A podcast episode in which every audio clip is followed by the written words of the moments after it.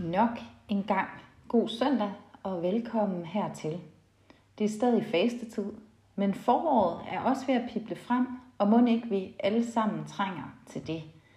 Trænger til at se det hele spire og grønnes, trænger til lidt varme, trænger til at styrkes i en tro på, at alt bliver godt igen. Dagens prædiken handler også om tro, om at være stærk og kæmpe for sin tro, også selvom det er for en andens skyld. Og evangelieteksten til i dag, den skriver evangelisten Matthæus. Jesus gik bort derfra og drog til områderne ved Tyrus og Sidon. Og se, en kananæisk kvinde kom fra den samme egen og råbte, Forbarm dig over mig, herre, Davids søn, min datter plages slemt af en dæmon. Men han svarede hende ikke et ord. Og hans disciple kom hen og bad ham, send hende væk, hun råber efter os. Han svarede, jeg er ikke sendt til andre end til de fortabte for af Israels hus. Hun kom og kastede sig ned for ham og bad, Herre, hjælp mig. Han sagde, det er ikke rigtigt at tage børnenes brød og give det til de små hunde. Men hun svarede, jo herre, for de små hunde æder da af de smuler, som falder fra deres herres bord. Der sagde Jesus til hende, Kvinde, din tro er stor. Det skal ske dig, som du vil. Og i samme øjeblik blev hendes datter rask. Amen. Jeg har tre sønner. De er vidunderlige på hver deres måde, og de er meget, meget forskellige. Heldigvis. Selvom det indimellem stadig kommer bag på mig, selvom jeg efterhånden har 15 år på banen som mor hvor forskellige de er, altså, og hvor forskelligt de reagerer. Men mere om dem senere. Forældreskab er på alle måder en forunderlig ting. Det stiller kolossale krav. Krav, som vi intet kendte til eller havde fået nys om, inden vi hovedkuls kastede os ud i forældrerollen.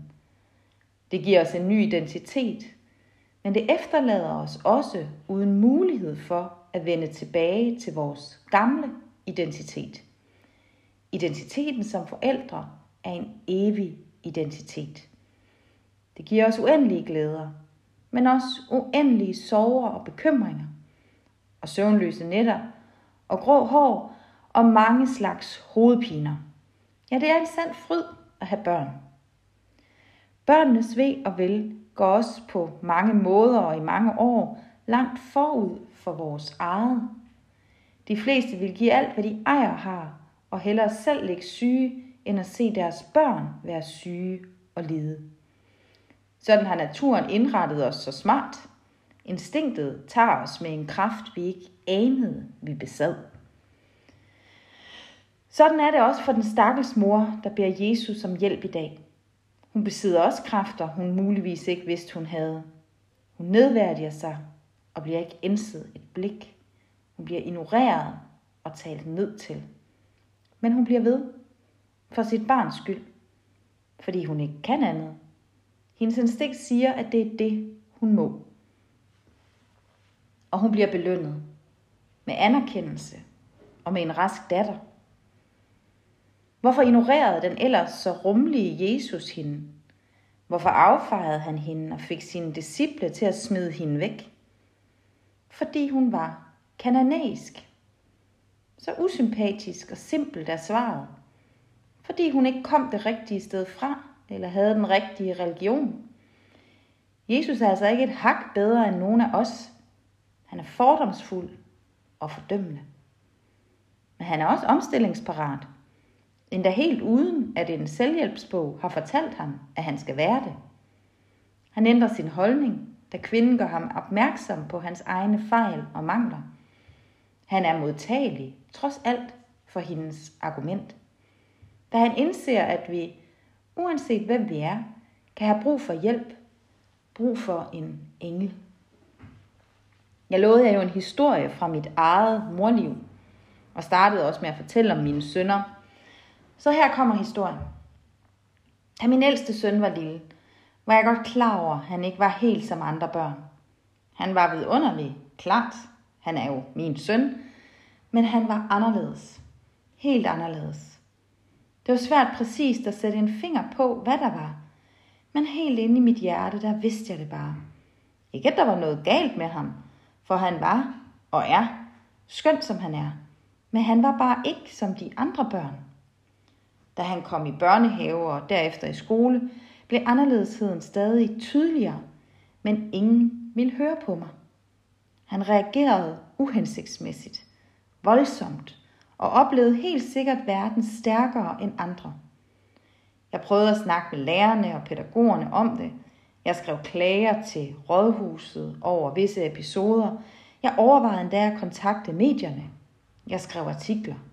Jeg betalte dyre domme for psykologer og tests af alle mulige arter. Men lige lidt hjalp det.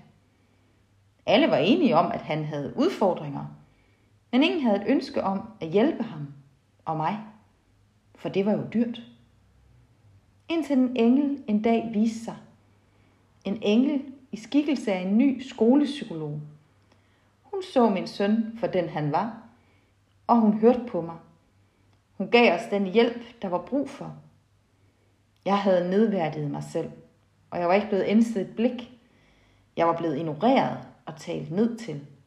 Men jeg blev ved. For mit barns skyld. Fordi jeg ikke kunne andet. Jeg fik aldrig anerkendelse for min indsats eller et undskyld for dem, der havde sukket dybt over både min søn og jeg. Men jeg fik min belønning. Min belønning var, at min søn fik hjælp, og i dag har det godt. Han er faktisk verdens bedste søn, hvis I spørger mig.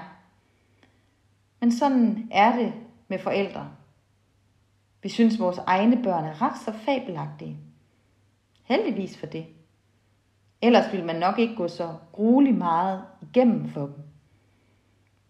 Amen.